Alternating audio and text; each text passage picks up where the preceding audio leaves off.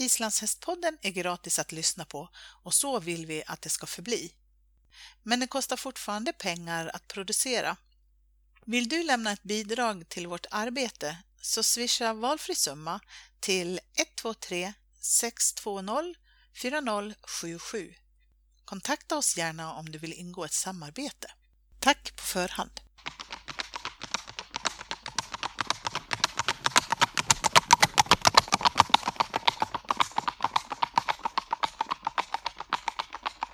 Hej och välkommen till Islands hästpodden. Nu är vi fortfarande kvar på Island och dagens program kommer att handla lite grann om hur islandshästen fungerar som turhäst. Så nu finns vi på ett av de större turhästföretagen på Island, nämligen Eldhästar. Och här har vi hittat Rodmar. Välkommen till Islandshästpodden. Tack så mycket.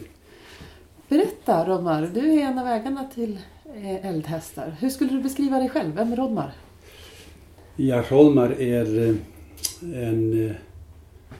Jag kan säga en, jag är direktören för, för Eldhästar. Mm. Och vi startade detta för 30 år sedan. Och jag är uppväxt på en gård och uppväxt inom, inom hästyrket kan man säga. Så detta har följt mig sedan jag var liten pojke. Mm. Och eh, så att detta är, är mitt stora intresse mm. kan man säga. Mm. Hur kom det sig att ni startade Eldhästar? Det var nog egentligen bara en, en slump att, att vi började. Det var så här att 1986 så befann vi oss i en dal här ovanför Hveragerði som heter Reykjadalur mm. och där är en varm bäck mm. och där låg vi i augusti 1986 och då kom fram den här idén. Vi var tre tillsammans, det var jag och, och, och Torsten, en gammal kompis och så också min bror Sigurjón och då föddes den här idén.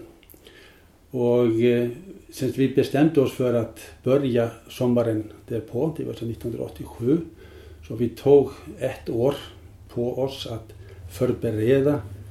Vi gjorde broschyr och då också var jag på väg till Sverige ja.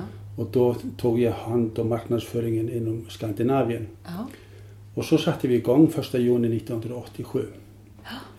Ja. Och eh, det var lite roligt eftersom vi fick en gammal ful röd hytta och vi placerade den på andra sidan av vägen här, egentligen bara mitt emot. Ja. Och så hade vi också en container för våra salar och så vidare. Och eh, där satt vi och väntade på att några skulle komma och folk önskade sig att, att gå ut på en, en liten tur. Okay. Och det var alltid så här som vi sa, då, då, de som kom ifrån Reykjavik, de behövde att, att, att ta en sväng till vänster. Ja. Och då kunde de vara på väg mot de här LO-bostäderna som finns här på andra sidan av vägen. Ja. Men när de svängde två gånger, ja. svängde igen direkt, då visste vi att de var på väg till oss. Ja. så, så då gick vi alla tre ut. Vi satt där i en IKEA-soffa i den här stugan som vi hade köpt. Och, och väntade och väntade och väntade. Men så kom alltid en, en och en.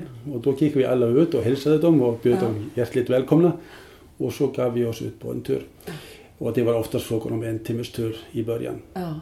Och eh, man kan säga att, att vi tyckte att det var väldigt mycket att göra den här sommaren när vi var alla tre ute samtidigt. Okay. Även om det var bara en eller två personer som följde ja, oss. Ja. Så det började väldigt smått.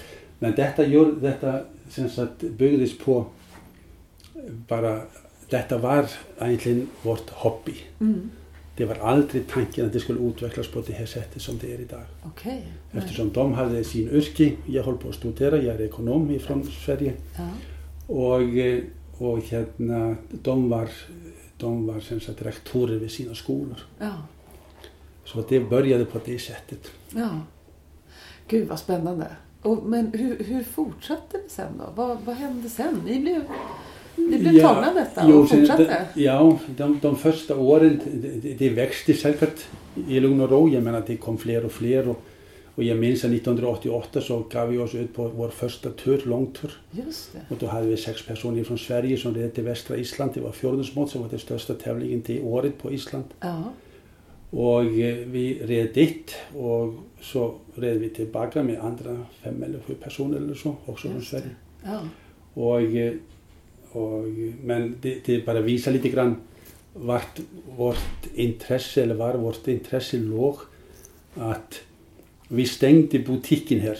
Mm. Istället för att lämna en kvar för att ta hand om alla kortaturer som vi eh, nu hade byggt upp. Ja. Då gav vi oss alla iväg. Okej, alla ville vara med. Alla ja. ville vara med. Ja. Det var såna, det var bara väldigt roligt självklart och, och vi var borta där i nästan tre veckor. Okej. Ja, vi hade på den turen hade vi cirka 30-35 hästar. Ja.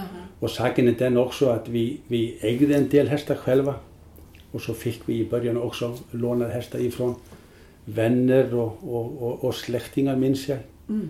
i, i början. Men allt detta har i lugn och ro växt. Man brukar säga att turerna kanske har ökat om cirka en och en halv per år. Ja. Och det gäller också med antalet folk som jobbade hos oss. Ja. Och de t- tio första åren, sedan från 1987 till 1996 kan man säga, att då var detta en, en, enbart öppet på, eller eh, öppet på, på sommaren. Sommarsäsongen. Ja, det var juni och, och till augusti Ja, slut. så. Ja, Men sen fick vi den här gården just det. och vi ansökte om den här gården eftersom det är en statlig ägd gård. Och vi ansökte tillsammans med åtta andra men vi fick gården. Ja. Och då efter det har vi drivit detta på att hela året. Ja. Och då förändrades lite grann inriktningen. Att då försökte jag få folk att komma till oss och vi skapade här, vi byggde här små stugor Mm. så folk kunde övernatta. ja. Och eh, så har det bara rullat på Mm. kan man säga. Och hur ser företaget ut idag? För nu har vi, är vi på Hotell Eldhästar. Ja, Ett stort fint hotell. ja, det säkert har växt väldigt mycket och, och kanske särskilt de senaste tio åren. Men eh, 2002 så byggde vi detta hotell och då var det lite grann tanken när vi hade hållit på med de här stugorna i, i fem år eller, eller så att, att då undrade vi om vi skulle fortsätta med, med de här små stugorna eller om vi skulle bygga ett hotell Mm. där vi skulle kunna höja standarden på vår övernattning. Mm. Och vi bestämde oss, bestämde oss för det. Och eh, sen dess har det bara blivit, blivit större och större. Idag har vi 380 hästar i verksamheten. Ja. Vi äger största delen av hästarna. Ja. Och, eh, och så har vi turer som är ja, 70, 80, 90 turer som är, som är tre dagar eller längre. Det Mm. vill säga avgångar. Mm. De här hästarna, för i morse när vi vaknade så kom det en hel lång vacker rad med hästar utanför fönstret. De kom in från ett bete här Ja, bakom. Precis. Är, är alla hästarna här på gården eller har ni hästar utspridda? Nej, nu har, vi, nu har vi börjat skicka dem iväg. Ja. Ska 380 hästar är här på sommaren. Ja. Men det är inte ofta som de är alla på plats. Mm. Eftersom många är på turer självklart. Ja. Och de pågår hela tiden. Men eh, varje morgon så måste mina anställda rida ner till, till fälten och, och, och, och, driva flocken Ja. upp. Ja. Så det kan vara en, och jag vet att det är många av våra gäster som vaknar tidigt och, och, väntar där och, tar kort när, när hela flocken kommer upp. Precis, det är en otroligt vacker syn när de kommer. Ja, det, är, det, det kan vara mellan 200 och 300 hästar Ja. som kommer upp då på, på morgonen. Mm. Men eh, nej, nej, så det, det, är, det har ökat och, och det ser relativt okej ut. Mm. Ja. Ni har ju också, det kommer ju, eh, ska vi berätta var, var hotellet ligger någonstans för våra lyssnare i förhållande till Reykjavik? Hur kommer man hit? Jo, vi, vi befinner oss cirka 45 kilometer öster om Reykjavik, mot södra Island. Mm. Och det tar, oss, det tar de som bor i Reykjavik cirka eh, en halvtimme, 30 minuter, 35 minuter att köra hit. Just det. Och vi ligger ganska nära eh, sen så att väg nummer ett. Ja. Och, och, och, och nära Reykjavik så vi är nära marknaden och det, det är säkert som, som har hjälpt till. Mm. Vi är mycket bra placerade kan man säga. Precis. Ja. Och jag vet ju också att ni har en, en ridhusföreställning, att det kommer många hit och får en introduktion om, om islandshästen. Berätta om den. Jo, 2012 så byggde vi den här ridhallen och, och tanken var alltid att kunna erbjuda sådana olika aktiviteter relaterade till hästen och därav är kursverksamhet till exempel. Mm.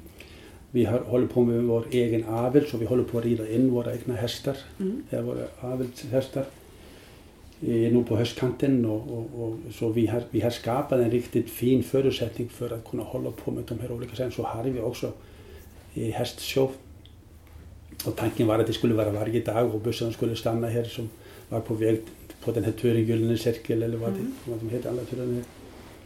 Och, och vi får grupper alltid av och till hit.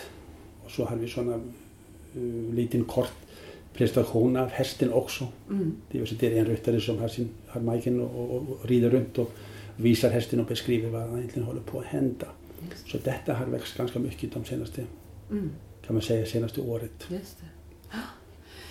De hästarna som, som jobbar hos er, du sa att ni hade egen avel. Och, men berätta om var, var kommer hästarna ifrån? Hur blir man turhäst? Nej, hästarna, jag kan säga att det är nog kanske det svåraste med verksamheten. Det är att hitta hästar som verkligen passar. Mm. Och eh, man kan säga att aveln på Island de senaste årtionden har inte inriktat sig på familjehästen utan det är mer att de här tävlingshästen och och bra avelshästar som folk har egentligen riktat blickarna mot. Mm. Och, och så är ganska många hästar som inte räcker riktigt till för tävling och samtidigt är de för kanske känsliga eller framåt för den vanliga ryttaren. Mm. Och så har vi de, några snälla som, som, som, som finns också som tur är. Och det är de som man försöker att, att hitta. Mm. Och vi, vi håller på att köpa in hästar varje varje år. Ja. Vi köper emellan 30 till 50 hästar. Vi har gjort det senaste ja, 3-4 åren. Ja. Och då är det både det att våra hästar, de somliga har blivit gamla och måste förnyas.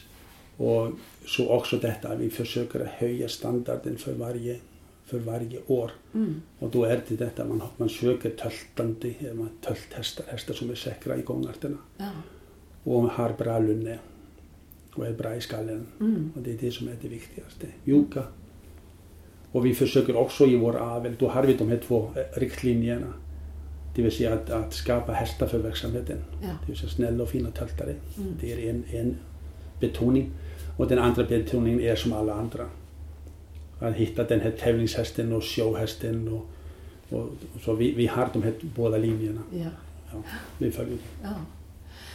Eh, er avel, finns den här på gården också eller är den någon annanstans på Island? Ja, sko, vi, vi har här eh, på gården har vi marks, ja, det, vi har cirka 300 hektar här. Ja. Men vi, vi hyr också två gårdar. Okay. Ytterligare 300, 300 hektar vardera. Ja.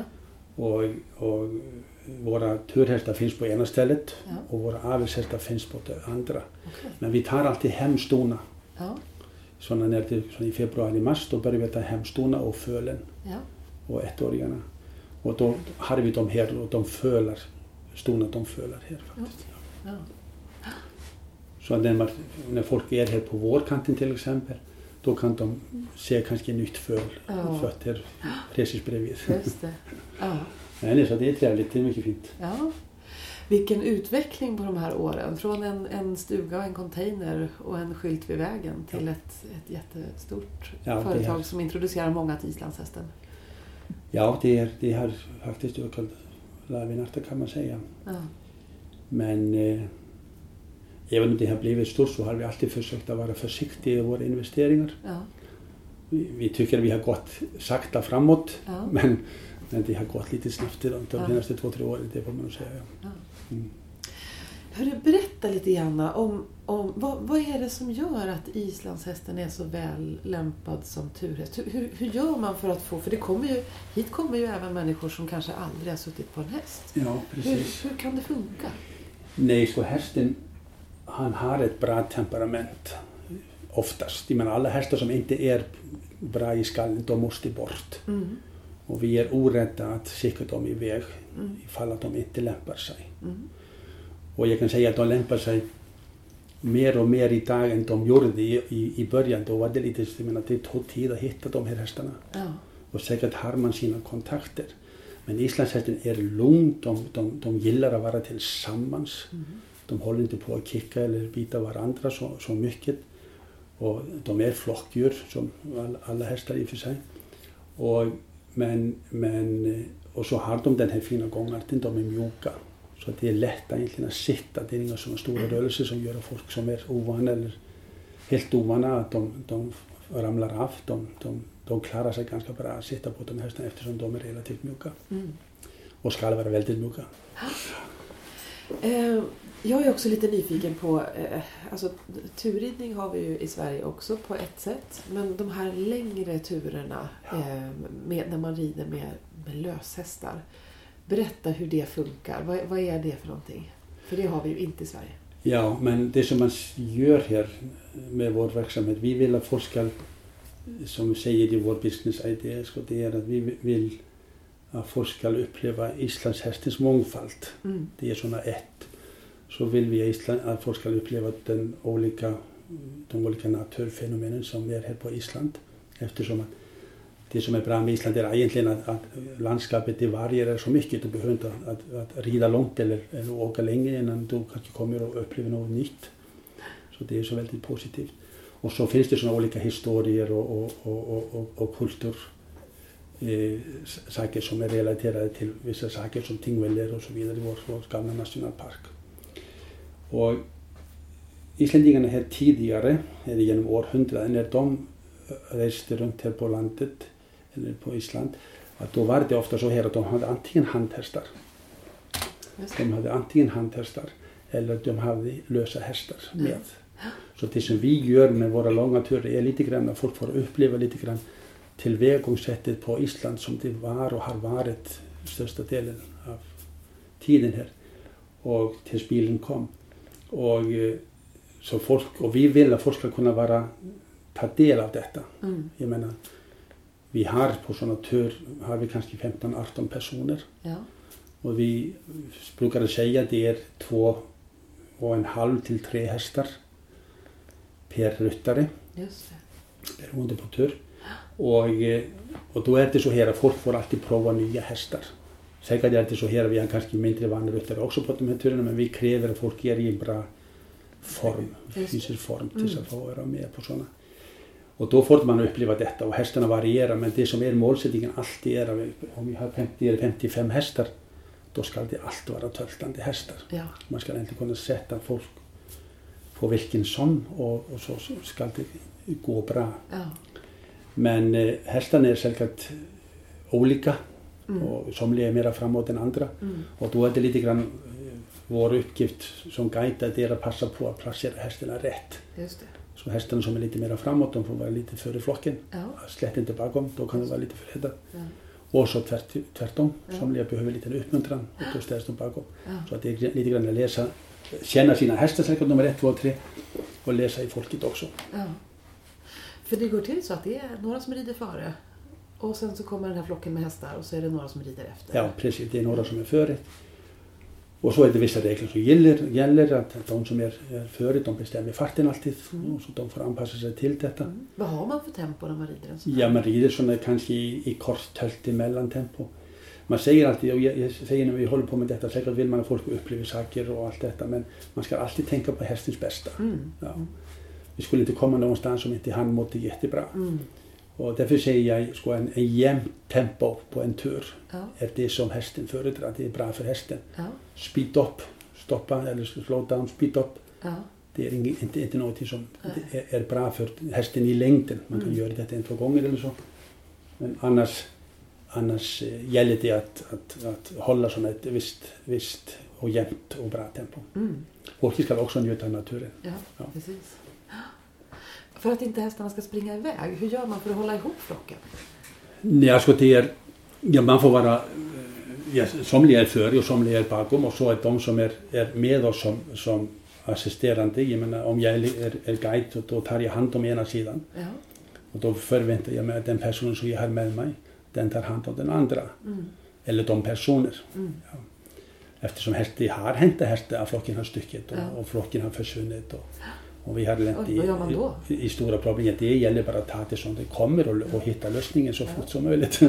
så, så att, eh, men vi har hållit på att jobba halva natten utan att våra kunder har vetat om det, att flocken var borta. Och de såg bara och, och så jobbade vi hela natten och försökte få flocken tillbaka. Och, och vi var lite sena, vi startade klockan 11 istället för att starta- klockan halv tio. Så, men, så, så, så. Men på de här längre turerna då rider man, man rider inte tillbaka till gården utan man rider från plats till plats en längre bit och sover på olika ställen. Ja, det är, det är tanken den, jag menar vi, man rider man rider alltid ifrån hytt, en hytta till nästa Ja. eller till en samlingshus eller vad, vad det är nu. Runt på området. Men eh, och så, så kommer så en annan grupp som rider tillbaka då. Ja, Ja. Man rider norrut och så är det en annan som rider söderut. Ja. Så, så går det till. Ja. Och för de som inte har gjort det här så kan jag verkligen rekommendera det. För det är en fantastisk upplevelse att få se islandshästarna i sin, i sin, sitt naturliga landskap. Och eh, ja, det är en underbar upplevelse. Precis. Nej, folk brukar uppskatta de här turerna och vi brukar få ganska, eller ganska, vi får höga betyg. Och, eh, och, hérna, och vi satsar på kvalitet. Det är Mm. det som är. Kan du inte berätta vilken som är din favoritled?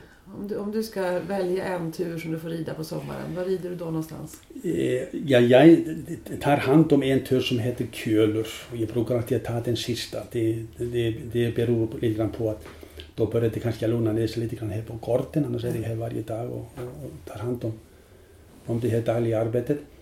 Men, eh, men jag har gjort så, men det är kanske mera på grund av att när en rider norrut då är det inte alla som kanske kan ta flocken och rida söderut. Det är inte alla som känner hästarna så pass bra. Okej. Jag gillar mest om, om vi har en guide som kan rida norrut och sen söderut igen. Ja. Så han tar hand om tur, Just det. en tur, Ja. tur, tur och retur. Ja. Men jag har tagit hand om Kjölur, men, men jag säger alla turer har sin, det är något speciellt med varje tur. Ja.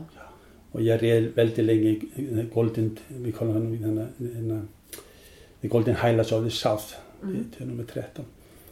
Och det är här i området, Hängelområdet och det är Tingvellir och det är besök på Gullfors och Geysir och det är vildmarken och det är vulkanen Hekla. Jag menar det är jättemycket som ingår i den turen kan man säga. Och, men den tur som jag minns var, var bäst det är att jag guidade, eh, jag har guidat den turen två gånger. Det är sen Sprengisandur. Och eh, det är sen sett hérna mellan syd och norr. Och jag såg inte fram emot att guida den turen. Att Nej. vara där ute i vildmarken, bara sand och sand och sand hade man i och för sig glaciärer på båda sidor. Men jag kan säga att det var helt fantastisk. Ja. Den var helt fantastisk. Vi hade ju också jättetur med vädret. Det var solsken och jättefin ut- en utsikt. Och det var helt fantastiskt. Men det är min bror som, som, som han, han, vad säger man? Han, han tar hand om den turen Ja. och det är ingen annan som får komma ner där. Okej. Och vi kan berätta som en liten anekdot att Islandshästpoddens eh, loggfoto, vårt foto på vår hemsida, den är tagen på Sprängesand. En tar du gruppa på- av eldhästars lösa hästar som Ja, går så- där uppe. Ja. Ja. Otroligt vacker, vacker bild i vacker miljö. Mm. ja. Jättebra. Det är roligt att höra. Ja.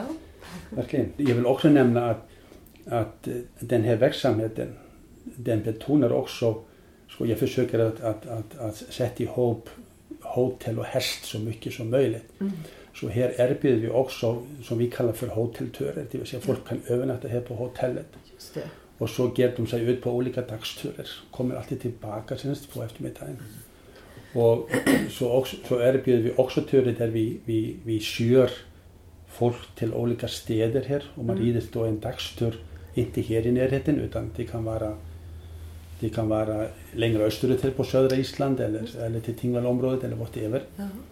Och så att folk, om, om folk eh, söker efter en sån här bättre övernattning, Ja. bättre övernattning, att då är, då är detta ett alternativ för, för dem som inte gäller att, att övernatta i, i hyttor och så vidare. Mm. Så, så, Och nu för tiden så, så har ni turer året runt. Här, ni har verksamhet året runt. På, ja, ja, på precis, gården. ja, precis. Och då är, och då är detta, eh, de här turerna, det vill säga där folk övernattar på hotellet, det, det, är möjligt allt. Mm. Är året, året runt kan man säga. Ja. Mm. När, vi, när vi satte igång med, med tanken och, och, och började verksam, att bygga hotellet här, att då var det och självklart tanken, jag menar, eh, vå- våra turer, det, det, de ska, man ska alltid tänka på miljön. Mm. Man ska följa vissa stigar och så vidare. Så verksamheten går ut på att inte skada eh, och, och hålla sig till redan markerade stigar som, som finns överallt här. Men, men då är det så här att, att då tänkte vi när vi började, med att, att, att, planera för hotellet, det var att, att betona då detta med, med miljön Mm. samtidigt. Och då kollade vi de här olika märken och, och då föll det så att vi, eller vi bestämde oss för att följa de nordiska miljömärket Svanen följer. Mm. Så detta hotell här, Hotell Eldhästar, är första hotellet som blev miljömärkt. Ja, just det. Det känns då och, och, och, och fick, fick hérna, ja, vi Svan, fick svanen. svanenmärke. Ja, svan, Ja. ja. Det, det var så. Ja, Och så har vi också vunnit då miljöpriset inom turistverksamheten här på Island Just det. för hotellet. Mm. Det är lite roligt faktiskt att, att när vi började här 1987 då ser vi inte en person Nej. på många, många, många år i den här dalen, Ja. Reykjadalur. Vi var nästan, vi var, ja, man kan nästan säga vi var ensamma om den här dalen. Ja. Så kanske för cirka 7-8 år sedan, då började man se enstaka eh, hérna, fotgängare som bara går runt där. Ja. Idag är det säkerligen upp till 1000 personer Ja. Som går varje dag. Det är bara så, hela tiden folk på väg in och hela tiden folk på väg ut ur dalen. Ja. Så det är en, en förändrad miljö kan man säga. Just. Och säkert var det så här när vi började så fanns det stigar där. Och det är enligt planhållning här för, för, för den här kommunen så är ridstig märkt in på in i dalen, syns Ja. att den ligger en ridstig i, i, ner, ner i dalen. Men, men eh, idag så- så kom alla de här fotgängarna men vi följde alltid våra stigar. Ja. Men folk började gå överallt. Ja, just det. Och, och, men vi har lagt, in, lagt ganska mycket pengar kan man säga, ett antal miljoner isländska kronor på att fixa de här stigarna, göra dem ännu bättre. Ja. Alltså det var lite blött på vissa, vissa ställen som behövdes, så man, det behövdes åtgärder för att fixa det. Ja. Och, och också detta att göra dalen säkrare, Ja. få lite kontroll över trafiken. Så folk följde vissa stigar. Den höll inte på att skapa nya stigar överallt där. Så detta har vi gjort och detta har vi så att investerat i och hjälpt, hjälpt de här två kommunerna, Hveragerði och så vår kommun Ölvus, Ja. att, eh, att bygga upp detta. Just det. Och detta är sådana liten återbetalning kan man säga från vår sida. Ja. vi, vi, vi, vi, vi är i mån om att, att detta ser fint ut. Så. Men miljön är, är, kan man säga, har förändrats väldigt sedan vi var där ensamma kan man säga. Ja.